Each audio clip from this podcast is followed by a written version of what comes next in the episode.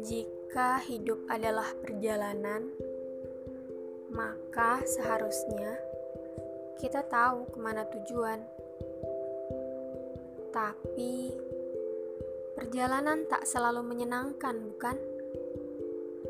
Karena jalan tak selamanya lurus, kadang berliku, berbatu, menanjak, dan menurun. Perjalanan hidup juga tak pernah memberitahu kita sampai di titik mana.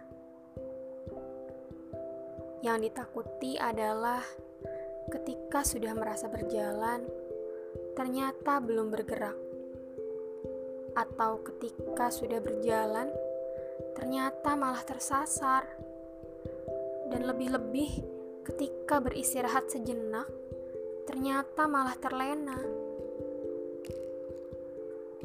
maka perlu untuk membawa bekal dan petunjuk agar tak berakhir demikian.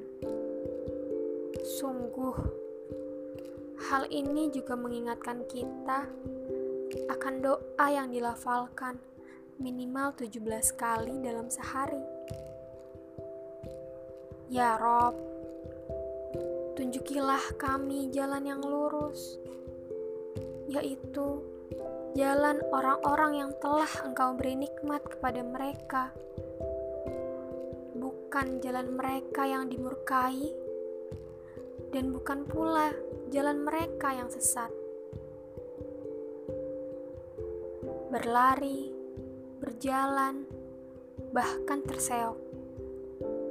Semoga dengan cara apa pun kita dapat sampai dengan tujuan.